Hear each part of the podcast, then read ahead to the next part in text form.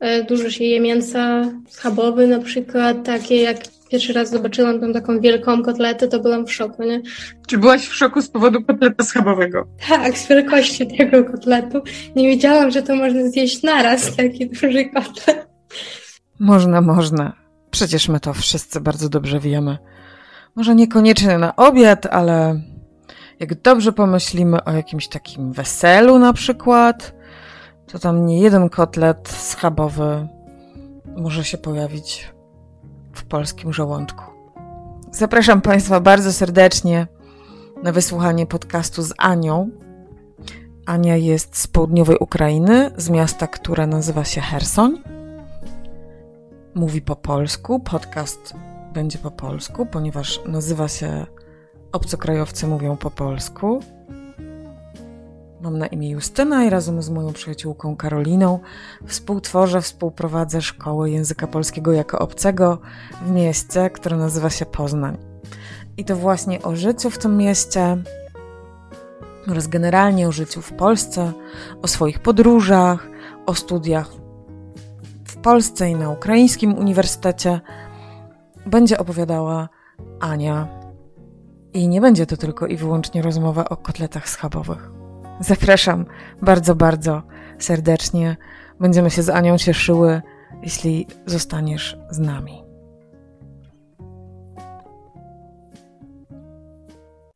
Bardzo Cię proszę, żebyś powiedziała kilka słów o sobie. Cześć Justyna, jestem Ania, pochodzę z Ukrainy, w Polsce już mieszkam czwarty rok. Przyjechałam tutaj e, po raz pierwszy na program e, wizyty studyjnej Study Tours to Poland, zorganizowany przez organizację Fundację Borussia i e, później e, już tutaj się przeprowadziłam na studia magisterskie na Uniwersytecie im. Adama Mickiewicza w Poznaniu. W Poznaniu znalazłaś się przez przypadek, czy to była taka świadoma decyzja? Wiedziałaś coś wcześniej o tym mieście? Wiesz, e, to było takie jedno miasto, w którym nie byłam podczas swojej wizyty studyjnej i tak zaryzykowałam, w sumie wybrałam Poznań i powiem Ci szczerze, że tak nie żałowałam takiej swojej decyzji. Poznałam tutaj bardzo miłych i pięknych ludzi. Coś mogę powiedzieć jeszcze o sobie, że lubię podróżować, mm, lubię e, kulturę, lubię języki, Również byłam wolontariuszem na festiwalach muzycznych i filmowych i uczestniczyłam w wymianach takich studenckich, e, zarówno jak w Polsce, tak i w Francji, w Turcji oraz Gruzji. No i na co dzień pracuję. Pracuję w dziale finansowym w korporacji tutaj w Poznaniu. Zanim przyjechałaś do Polski, miałaś jakieś wyobrażenia o Polsce? Jak, to, jak sobie wyobrażałaś ten kraj? Powiem tak, że jeszcze jak studiowałam u siebie w liceum e, w swoim mieście, to miałam e, znajomych, którzy zastanawiali się nad wyjazdem do Polski na studia, jeszcze na studia licencjackie. E, I wtedy dopiero zaczęłam jakby myśleć, co to jest, gdzie to jest, czy mam jakichś tam znajomych, a dopiero później, jak już studiowałam u siebie na Uniwersytecie w Kijowie, to byłam uczestnikiem takiej wymiany do Polski. To była taka 12 dniowa e, wycieczka. Głównie byliśmy w mieście Toruń, ale również e, podczas tych dwóch tygodni też jeździłam jeszcze siedem różnych miast Polski. I w ciągu tych dni poznawaliśmy kulturę Polski, poznawaliśmy e, organizacje pozarządowe, różne media, byliśmy na spotkaniach w urzędzie, na spotkaniach w administracji i to tak trochę dało takie do zrozumienia, co jest Polska, co tutaj się dzieje, jakie ludzie tu żyją, jaki mają tu mentalitet. Po kilku miesiącach już y, przyjechałam tutaj na studia magisterskie. Dokładnie to było w październiku 2017 roku, już czwarty rok. Kończyłam tutaj studia magisterskie. Czyli to bardzo szybko u Ciebie poszło. Przyjechałaś na taką objazdówkę po Polsce w gruncie rzeczy. Jakie, jakie wrażenia przywiozłaś ze sobą wtedy do domu, na, e, z powrotem do Ukrainy? To co wzięłaś z Polski wtedy? To było, e, powiem Ci, że to było tak w kwietniu 2017. Zaczęłam uczyć e, taki kurs e, polskiego Dopiero w powrocie to gdzieś był tak czerwiec, lipiec, musiałam zrobić taki test na znajomość języka polskiego, żeby studiować w języku polskim tutaj na uczelni i przywiozłam no, rozumienia um, takiej europejskiej, powiedziałabym, czystości. Architektura bardzo piękna mi się wtedy podobała, e, o czym tak... E, jeszcze mogłabym powiedzieć, bo wiesz, teraz mam tak, że te, to wszystko, co kiedyś już miałam, takie pojęcie, już to się tak zaciera, już o tym tak nie mogę przypomnieć sobie, bo tak przez trochę dłuższy czas, jak tu już mieszkam, to się wydaje takie oczywiste, nie? Jak dla turysta, który tu przyjeżdża po raz pierwszy. Bo jesteś z Ukrainy, możesz opowiedzieć o miejscu, z którego pochodzisz, bo studiowa- zaczęłaś studiować w Kijowie, tak to, dobrze to zrozumiałam? E, tak, ja pochodzę e, z południowej części Ukrainy, z miasta Herson. Studiowałam w Kijowie na Uniwersytecie e, Kijowskim imieni Szewczenki. Więc skończyłam tam licencjat i przeprowadziłam się do Poznania na studia magisterskie. I ta twoja południowa Ukraina to jest e, miasteczko średniej wielkości, dużej wielkości. Możesz coś więcej opowiedzieć o, o tym mieście? Tak, e, to jest e, w ramach Ukrainy to jest e, miasteczko mniejszej wielkości, ale w ramach Polski to byłoby większe miasto, bo liczba to gdzieś tak 200-300 tysięcy osób. Wiadomo, w Kijowie jest o wiele, wiele więcej ludzi, więc trochę to też się różniło to życie między małym miastem, a wielkim miastem i również życiem z rodziną, a życie samodzielnie. Aniu, powiedziałaś, że przyjechałaś w kwietniu do Polski, czyli to była taka wiosna zaawansowana już. Tak, i powiem Ci, że widziałam takie piękne magnolii akurat w Toruniu, jak byliśmy i w Warszawie też, bo pierwszy raz to przyjechaliśmy do Warszawy, później tak jechali e, chyba busem już do, do Torunia, no także pamiętam te takie magnole, zrobiłam dużo takich pięknych zdjęć. Była akurat wiosna i nie było e, jeszcze już tak brzydko i szaro i ponuro, nie? Właśnie, bo powiedziałaś, że jak um, jeśli chodzi o te wrażenia twoje z, pierwszej, e, z pierwszego pobytu w Polsce, to że jest tak czysto i architektura cię e, jakoś zatrzymała i zastanowiła i podobała ci się. Więc to by było tak trochę na przekór takim stereotypom takiego brzydkiego, i nieatrakcyjnego kraju. Wydaje mi się, że jest taki stereotyp o Polsce i w ogóle może o wschodzie Europy, że jest brzydka i nieatrakcyjna. Twój pierwszy kontakt z takim, z takim polskim krajobrazem był wręcz przeciwnie, dobry. Dokładnie, dokładnie. Wiesz, może jeszcze przez to, że to było dla mnie wszystko nowe i postrzegałam to taki przez przyzna tego, że wszystko, e, wszystko na tak niż na nie i ja bardziej się doceniałam to, co jest, niż po prostu się wpatrywać jakieś tam minusy. I zaczęłaś studia, e, twoje studia w Kijowie to były studia jakie, możesz powiedzieć? Studiowałam na e, fakultet filozofii E, a kierunek kulturoznawstwo. W Poznaniu to kontynuowałaś, czy, czy e, zaczęłaś tak, coś Poznaniu... kompletnie innego w Poznaniu?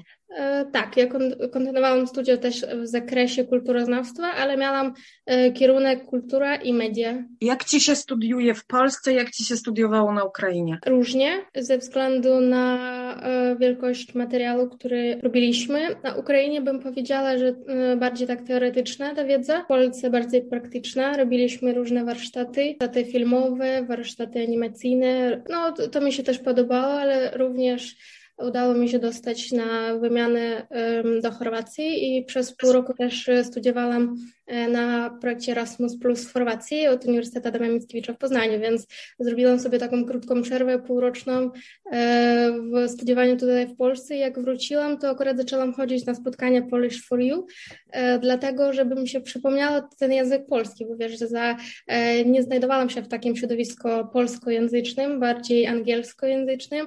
Oczywiście, że miałam przyjaciół z Polski, którzy ze mną byli tam na, w Chorwacji, ale no wiadomo, ten język trochę się zapomina, jak go nie praktykować, więc e, zaczęłam szukać jakiejś możliwości praktykowania tutaj w Poznaniu.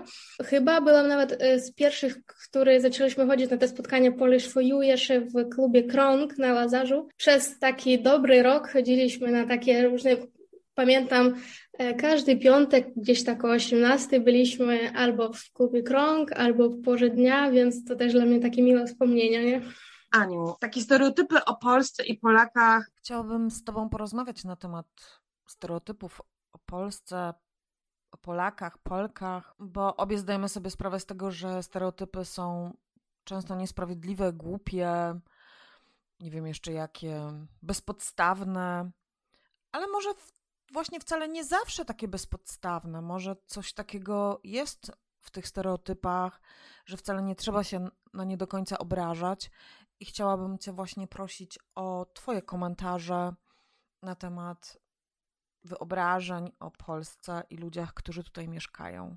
Pierwsza taka rzecz to jest, że Polacy są bardzo gościnni. I Polki i Polacy są bardzo gościnni. Zgadzam się, ponieważ mm, byłam w, w rodzinie, takie jakby wyjazd do rodziny Polaków, e, kiedy byliśmy na tej wizycie studyjnej. W ramach tego programu oni przyjmowali gości z Ukrainy, z Białorusi, e, z Mołdawii i udało nam się jakby poznać trochę tych ludzi, poznać ich e, mentalitet i powiem Ci, że no takiej gościnności, e, takiego przywitania no, nie oczekiwałam, ponieważ e, te ludzi, oni chcieli, żebyś ktoś do nich przyszedł, kto zna język rosyjski, bo kiedyś jeszcze w czasach szkoły studiowali ten język rosyjski i chcieli trochę sobie przypomnieć, jak o nim się gada, jak go słyszy, jak, jak ludzi, co tam się zmieniło w, w naszych krajach, w naszej mentalności.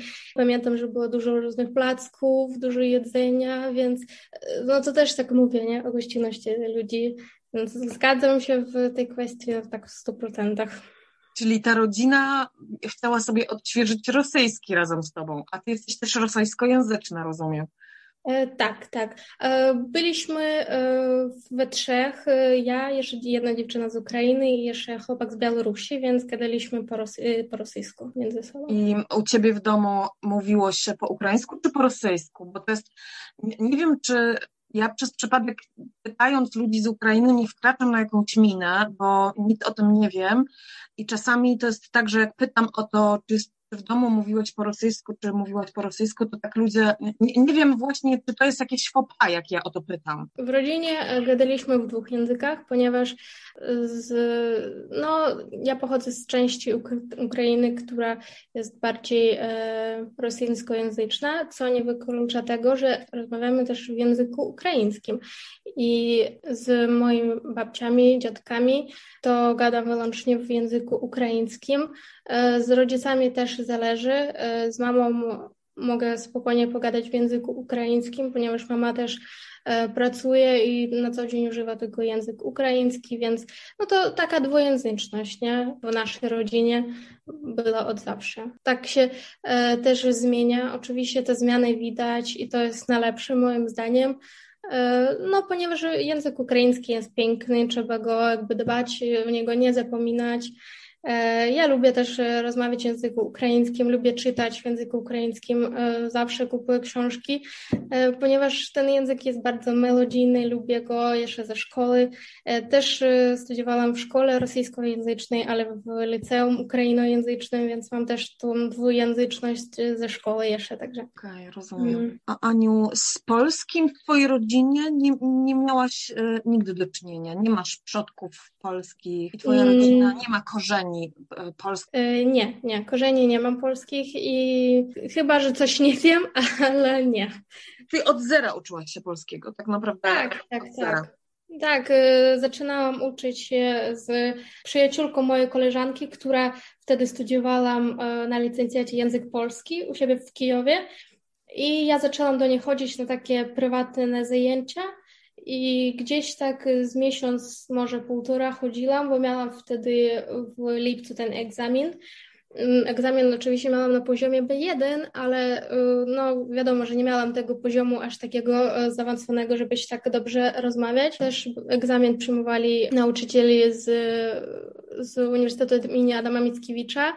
E, pamiętam też y, jak to wyglądało, że pisaliśmy testy e, na słuchania, na czytania i później był test na mówienia i co dla mnie była taka najstraszniejsza rzecz, nie wiem, czy można tak powiedzieć, no bo dla mnie to było wtedy powiedzieć coś, no tak się krępowałam, było mi albo wstyd, że coś nie wiem, albo coś nie tak powiem, no czyli nie czuła się zbyt dobrze, żebyś gadać, wiesz, a dopiero później, jak już tutaj przyjechałam i studiowałam na uczelnię, to zawsze e, wybierałam tylko egzaminy, e, chciałam tylko mieć ustne egzaminy, ponieważ pisać dla mnie było to o wiele trudniej, nie?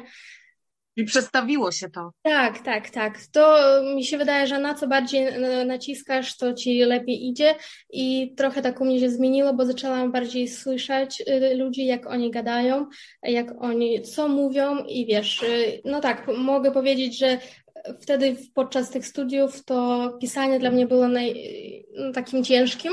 Miałam, robiłam tak, że czasami e, słucham lekcje jak coś muszę e, odrabiać, to pisałam polskie słówka, ale po rosyjsku, wiesz, rosyjskimi literkami. E, I później to mi zajęło dwa razy więcej czasu, żebyś to po prostu nauczyć się tego materiału, nie, z tych studiów, ale no po prostu później sobie tak uświadomiło, że jakbym ja tak nie robiła na początku, to później e, bym miała o wiele trudniej e, i, i w ogóle by się nie nauczyła, a tak sobie zrobiłam jakiś taki system, nie, jaki trochę działał, więc... Bo to jednak ciężko się chyba poprzestawiać w tym pisaniu na ten alfabet łaciński, prawda? Mm, sobie, tak. Jeśli masz język oparty na łacinie, to mm, w sensie graficznym, to ciężko sobie wyobrazić inne, inne znaki. Domyślam się, że to musiało być ciężkie. E, no, mm, przez to, że znam język angielski, e, było to dla mnie łatwiej, ale e, wiesz, te takie słówka S, Z, Ż z kropką, dla mnie to było najcięższe. O z kreską, i czasami po prostu nie wiedziałam, kiedy mam użyć y, tego albo innego i jaka jest różnica pomiędzy SZ a Z z kropką, kiedy mam używać y, co, w jakich przypadkach. A jeśli na, na przykład nauczyciel mi powie, no to jest taki wyjątek, który trzeba zapamiętać, ja później się zaczynam gubić, no wiesz, tutaj wyjątki, tutaj jeszcze coś. Dużo dało mi też oglądania filmów z napisami. E, ponieważ od razu i słyszysz, i widzisz, trochę tak się ustawia to, nie? U ciebie. Ale ta, ta, ten, ta przygoda z polskim nie była w sumie chyba. E, jak, jak oceniasz z perspektywy czasu ten, te początki polskiego? Jakie były dla ciebie? Trudne były. Z tego, co tak może, mogę sobie przypomnieć, no. E, nie było to łatwe, zwłaszcza jak przyjechałam tutaj i bałam się powiedzieć, ponieważ to jest też tak, że musi się po prostu dostosować do tego, że nie musi się bać mówić z blendami, nie?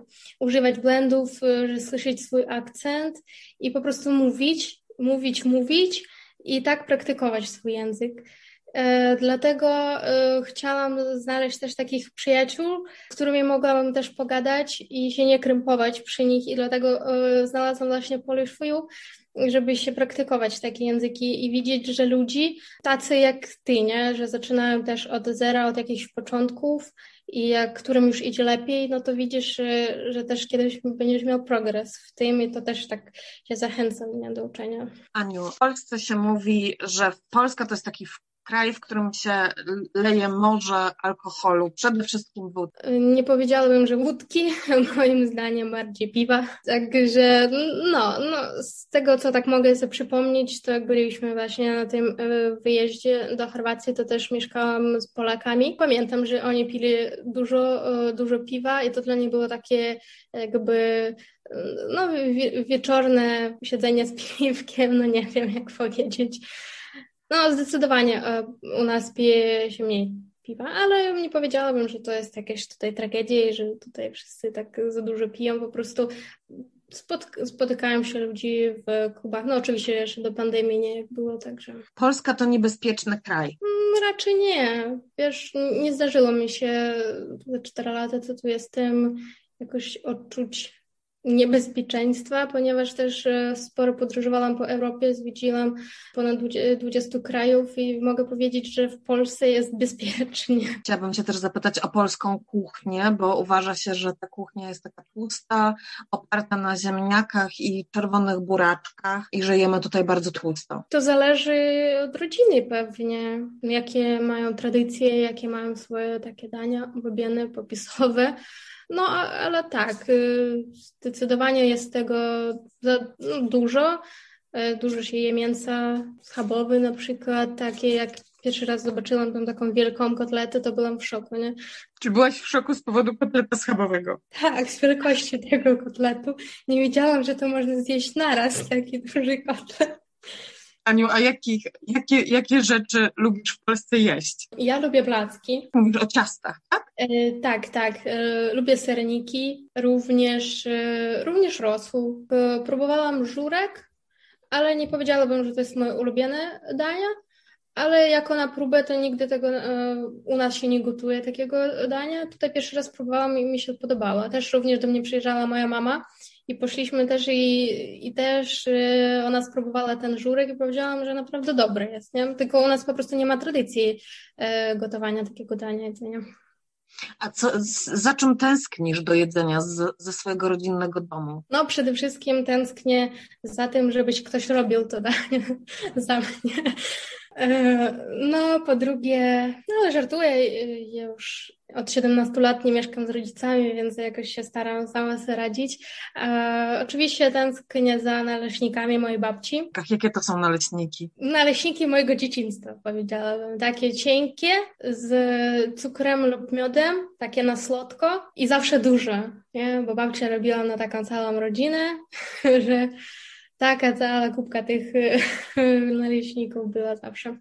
No również e, ryby, nie? Bo tutaj nie widzę takiej kultury jedzenia ryb, bo ja pochodzę z części e, południowej, gdzie jesteśmy nad morzem i cały czas gdzieś te ryby były w różnych rodzajach i to też tutaj e, nie powiedziałabym, że jest źle bez tego, ale po prostu to, za czym tęsknię i zawsze chętnie zjem w domu na przykład. Twoja rodzina mieszka nad samym morzem? To miasto, twoje miasto rodzinne?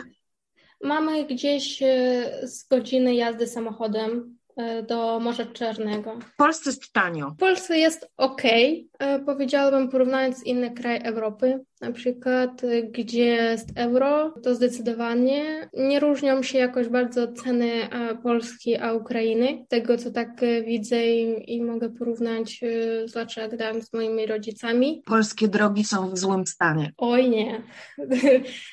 Tutaj bym się nie zgodziła, ponieważ znam, co to znaczy zle drogi. I, I znam, co to znaczy jeździć i się bać, aż, e, aż coś się stanie z samochodem, albo musisz po prostu wyjść z tego samochodu i osobno przestawiać te kółka, a osobno iść. Więc tutaj się z tobą nie zgodzę. I o którym kraju mówisz z tych 20, e, z ponad 20, które widziałaś? E, mówię, mówię tutaj o jednej drodze, która, która jest od mojego domu rodzinnego do domu mojej babci który dolaliśmy te 120 kilometrów, prawie 4 godziny się udało. Kiedyś nawet nagrywałam takiego filmika, żeby tutaj pokazać Polakom, e, jakie mamy drogi, żeby po prostu do babci pojechać, nie zwiedzić na weekend. Ale babcia ci cały czas robi jeszcze te naleśniki, jak ją odwiedzasz? To czy tak, ja mam dwie babci, które mieszkają na wsi. Ta babcia, która mieszka e, bliżej nas, e, to tak, ona i do nas przyjeżdża i do niej jeździmy, a babcia, która mieszka dalej, to, to 120 kilometrów, który dolamy w 4 godziny, no to jeździmy o wiele rzadziej, nie? Więc jak przyjeżdżam na jakiś dłuższy czas do Polski, o, do Ukrainy, przepraszam, to odwiedzamy babcię. Tak, na jakiś czas. I to jest właśnie ta babcia od tych naleśników, tych od 120 kilometrów. Nie, nie, nie. A co blisko mieszka, dobrze. Tak, tak, tak. No bo mi po prostu narobiłaś apetytu, chociaż nie rozwinęłaś do końca tego wątku z tymi naleśnikami, bo powiedziałaś tylko o słodkiej wersji, a rozumiem, a potem zrobiłaś pauzę, wątek ci gdzieś przeszedł, rozumiem, że babcia też robiła naleśniki niesłodkie. Czy tylko Może. ten cukier i miód? Cukier i miód. Tutaj już każdy mógł y, sobie wybierać co chce, tam głównie, wiesz, takie y, były robienia tych naleśników jako taka tradycja, nie? Oni chciałam cię zapytać o polskie urzędy. Polskie urzędy są nieprzyjazne dla cudzoziemców. Polskich urzędach urzędach trzeba mieć cierpliwość przede wszystkim i rozumieć, że nie pójdzie ci szybko i nie pójdzie ci łatwo, I więc musisz mieć tą cierpliwość. Jak już e, wspomniałam wcześniej, to zajęło mi półtora roku, żebym uzyskała kartę czasowego pobytu i żebym pojechała e, do siebie, do rodziców. Również e, też mogę porównać z tym, że jak byłam w Chorwacji i studiowałam w Chorwacji, to taką kartę dostałam w ciągu tygodnia.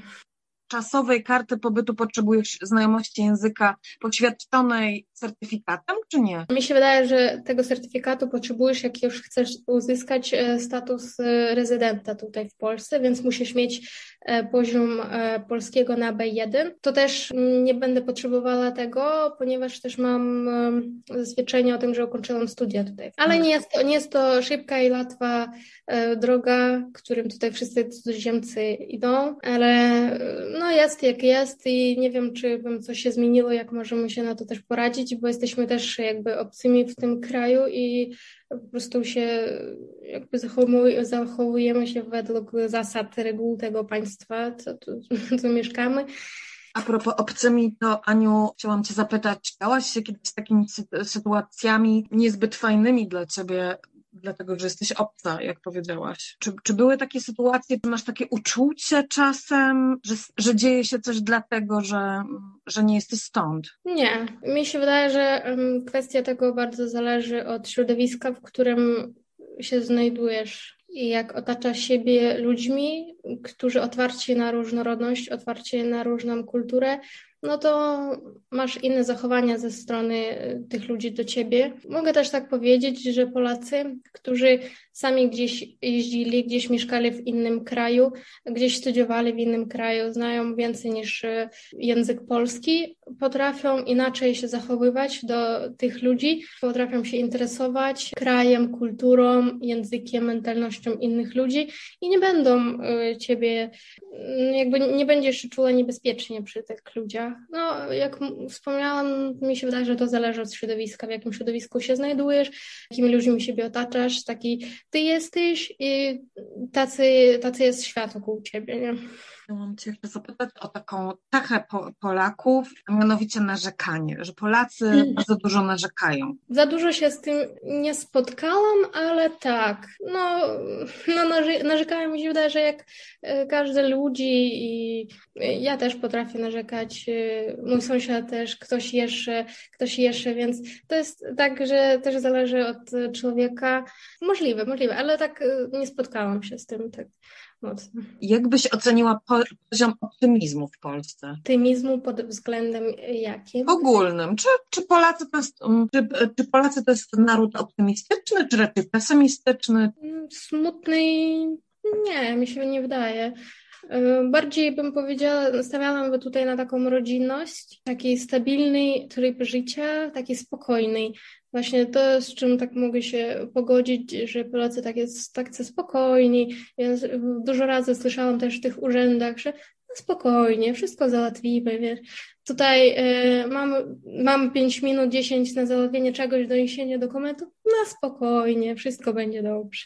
No, ale z drugiej strony to też daje do zrozumienia, że y, nie przyjmować się y, jakimiś bzdurami, po prostu y, żyć takim życiem spokojnym to też daje dużo później na twoją psychikę i na układ twojego życia, jak się nie przyjmujesz wszystkim naraz, to też czuję się wtedy lepiej. Migracja Ukraińców tutaj do Polski trudno nie zauważyć, prawda? Stopa bezrobocia jest, jest y, mniejsze wynagrodzenia na Ukrainie, więc ludzie wyjeżdżają po prostu. Aniu, a jak się czujesz, jak słyszysz ukraiński na polskich ulicach? Jak się czujesz w ogóle z tym, że, że ten ukraiński czy rosyjski jest taki obecny w Polsce? Czuję się z tym dobrze. Y, nie mam jakiejś y, no, nie, nie mam jakiejś myśli na ten temat. Po prostu e, to jest jak w kraju, w każdym w Europie znajdziesz e, cudzoziemców, na przykład w Niemczech, no też jest taka wielokulturowość, tam wiele ludzi mieszka z różnych kultur i jakoś mieszkają razem dobrze, nie? E, również w Belgii, we Francji. Zaskoczona byłam widzieć, że pojawia się język ukraiński na, na takich przystankach autobusowych, widziałam. W bankomatach. Tak, w bankomatach, w takich w platomatach do takich kart PK też wiedziałam. No to mówię tylko o tym, że e, oczywiście jest dużo ludzi, którzy tutaj przyjeżdżają, Ukraińcy, ale też widać ze strony jakby miasta, że tych ludzi, to miasto widzi tych ludzi i też myślę o tych ludzi. A ty jesteś taką osobą, która utrzymuje dużo kontaktów z ludźmi ze swojego kraju? Oczywiście. Od, y, mam kontakt dobry ze swoimi przyjaciółkami, którzy zostali na Ukrainie, z moimi rodzicami, y, ale również mam dużo znajomych w Europie, gdzie też mogę powiedzieć, że jak przyjeżdżam, to czuję się jak w domu, ponieważ to zależy od, też od człowieka, że jak jesteś otwarty na to. E, jechałam tutaj z myślą do Polski, żebyś poznać te różne kultury, te różne języki, jak, jak te ludzie razem z sobą mieszkają, o czym się myślą, o czym między sobą też gadają. E, Aniu, a z Polakami jest się łatwo zaprzyjaźnić? Tak, myślę, że jak znasz język, to nie masz jakiegoś wielkiego problemu i no, nie spotkałam się z jakimś takim, nie możesz coś zrozumieć, tam, mm, tam masz akcent tyle coś. No nie, nie powiedziałabym, że coś takiego jest. Młodsi ludzie bardziej otwarci na te, na te inne kultury, na te inne języki.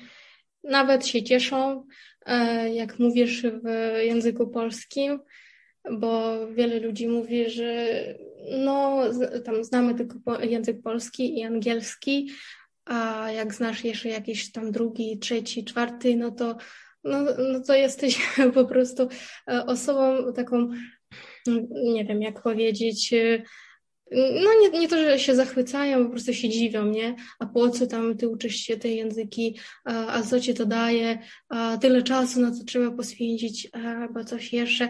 Ale na przykład, e, no, nauczyłam się polskiego i mogę na przykład z tobą teraz gadać i nie muszę się tak. przechodzić na język angielski, ponieważ byłoby tam stracona jakaś część tego, o czym możemy się pogadać, nie? Tych takich różnic mniejszych w rozmowie, których nie da się e, przetłumaczyć na inny język, jeśli nie mówisz w tym języku czystym tam tej osoby. To, to mówisz po angielsku, mówisz po rosyjsku, mówisz po ukraińsku, mówisz po polsku, coś jeszcze? Jakiś francuski, niemiecki albo... E, Uczyłam się chorwackiego, mam poziom A2, ale teraz e, zaczynam się uczyć hiszpańskiego, więc też e, bardzo mi się długo podobał ten język. E, zastanawiałam się, no gdzie będę go używać, co będę nim robiła, ponieważ wiem, że jak zaczynasz uczyć język, to łatwo stracić tą motywację do uczenia się i musisz ją ciągle praktykować, ciągle widzieć jakąś cel, do czego to uczysz. I na razie szukam nie, tej motywacji do uczenia hiszpańskiego, ale bardzo mi się podoba. Już nawet zrobiłam pierwsze kroki, już zapisałam się na kursy, mam nadzieję, że mi to pójdzie, ponieważ no, to, to, to też w jakimś stopniu um, takim broad my mind nie, e, otwiera jakieś e, horyzonty nie, przede mną. Czy masz może takie momenty, tam jako emigrantka e, również z mojego, w moim kraju nie żyję od jakiegoś czasu, czy masz takie momenty, takiej, mm, takiej tęsknoty, że po prostu tak byś to zostawiła i być tak poszła do domu swojego rodzinnego. Czy są takie momenty w swoim życiu? Ja mam takie momenty, kiedy nie mogę się wysłowić tak jak po polsku. Albo jak oglądam film yy, i wiem, że po polsku bym wszystko zrozumiała, a tu kurde nie mogę. Na przykład, to jest dla mnie duży problem. Mimo wszystko, mimo że po niemiecku yy, dobrze mówię, ale ale jest coś takiego, że tak mnie wtedy ściśnie i właśnie o te momenty cię pytam. Kiedy, czy masz w ogóle takie momenty? Mm, na pewno miałam taki okres czasu, jak przyjechałam tutaj. Pierwszy rok był najtrudniejszy, ponieważ e, no, wszystko od nowa, wszystko od zera i musisz sobie wszystko poukładać w życiu i trochę to takie frustrujące, ponieważ e, nie wiesz i nie widzisz tak do końca swojej przyszłości, jak to wygląda, jak to będzie wyglądało, czy znajdziesz tutaj siebie, czy nie znajdziesz. Mi się wydaje, że tutaj najważniejsze jest e, opierać się na takie swoje cele, które tam gdzieś sobie postawiłeś z góry, przez to, że coś mi się nie podoba, a dlatego, że ja chcę coś zmienić w swoim życiu, ja chcę do czegoś dążyć, ja chcę osiągnąć jakieś cele. Więc ja opieram się bardziej e, no, na, na, siebie w tej kwestii i wiem, że oczywiście tęsknię za rodziną, e, ale żyjemy w takich czasach, że to jest łatwo nie gdzieś pojechać, e, odwiedzić się. Oczywiście teraz nie mówię o okresie pandemii, w której teraz wszyscy żyjemy, ale jak człowiek jest bardziej taki poukładany w swojej głowie, czego chce od życia, do czego dąży, no to to jest wtedy łatwiej się opierać na takie swoje granice może. W, w, w mówieniu polskim tak, y, też czasami y, chce mi się coś powiedzieć po rosyjsku, albo taka mieszanka języków w głowie, że czasami po prostu już nic nie chcesz mówić po prostu w żadnym języku, już się, się odechciało, wiesz, nie możesz ni po polsku, ni po angielsku, już nawet po rosyjsku zapomniałaś te słowa, i, tak się zastanawiam, że okej, okay, to będę sam na sam, nie? Z, z, z takim swoim problemem, ale to, to też trzeba tutaj nie, e, nie zapamiętać, żeby się nie zamykać w sobie, jak masz takie problemy. E, zawsze są ludzie wokół ciebie, którzy, którzy albo były w takiej sytuacji, albo e, znają, mogą cię coś doradzić, albo po prostu z tobą pogadać w ogóle na jakiś zupełnie inny temat i wtedy też będzie ci łatwiej. Aniu, czyli jak przyjechałaś ten pierwszy rok, ten najtrudniejszy, o którym wspomniałaś, to ile miałaś wtedy lat? 21. Jakbyś zareklamowała Polskę? Polska to jest taki kraj dla miłośników historii, kultury i przyrody przede wszystkim. Jest wiele pięknych zabytków z ciekawymi historiami, z ciekawymi legendami. No i też góry, jeziora, jedzenie też nie zapomnimy o schabowym kotlecie. Tak, który cię zszokował. Tak. Aniu, twoje plany na przyszłość a propos Polski. Plany na przyszłość. Teraz y, w tych czasach mówić o planach jest trochę tak, wiesz, obiecująco. Czy chodzi ci o pytanie, czy chcę wracać, czy, czy zostać tutaj? No to na razie widzę swoją przyszłość tutaj w Polsce. Chcę się tutaj rozwijać, też pracuję na to, też uczę się wielu innych rzeczy. Nie ukrywam, że chciałam zwiedzić świat, chciałam podróżować, poznać innych, inne miejsca, możliwe innych ludzi, inną kulturę, ale no tutaj jest y, mi dobrze, jest tutaj takie stabilny y, tryb życia. Ciebie ciągnie gdzieś dalej. Co myślisz? pytanie, wiesz, no Mm, po prostu mi się wydaje, że możliwe jeszcze nie wszystko, co chciałam e, gdzieś spróbować, spróbowałam, nie? Aniu, bardzo dziękuję Ci za dzisiejszą rozmowę. Życzę Ci z całego serca, żeby wszystkie Twoje przedpandemiczne plany podróżnicze mogły się wreszcie zrealizować. Wszystkiego dobrego. Zapraszamy zawsze oczywiście do nas na Polish Cafe. Wiesz, jak nas znaleźć był podcast Obcokrajowcy mówią po polsku, podcast Szkoły Języka Polskiego jako obcego w Poznaniu. Dziękuję za wysłuchanie. Pozdrawiam serdecznie, Justyna z Polish for You.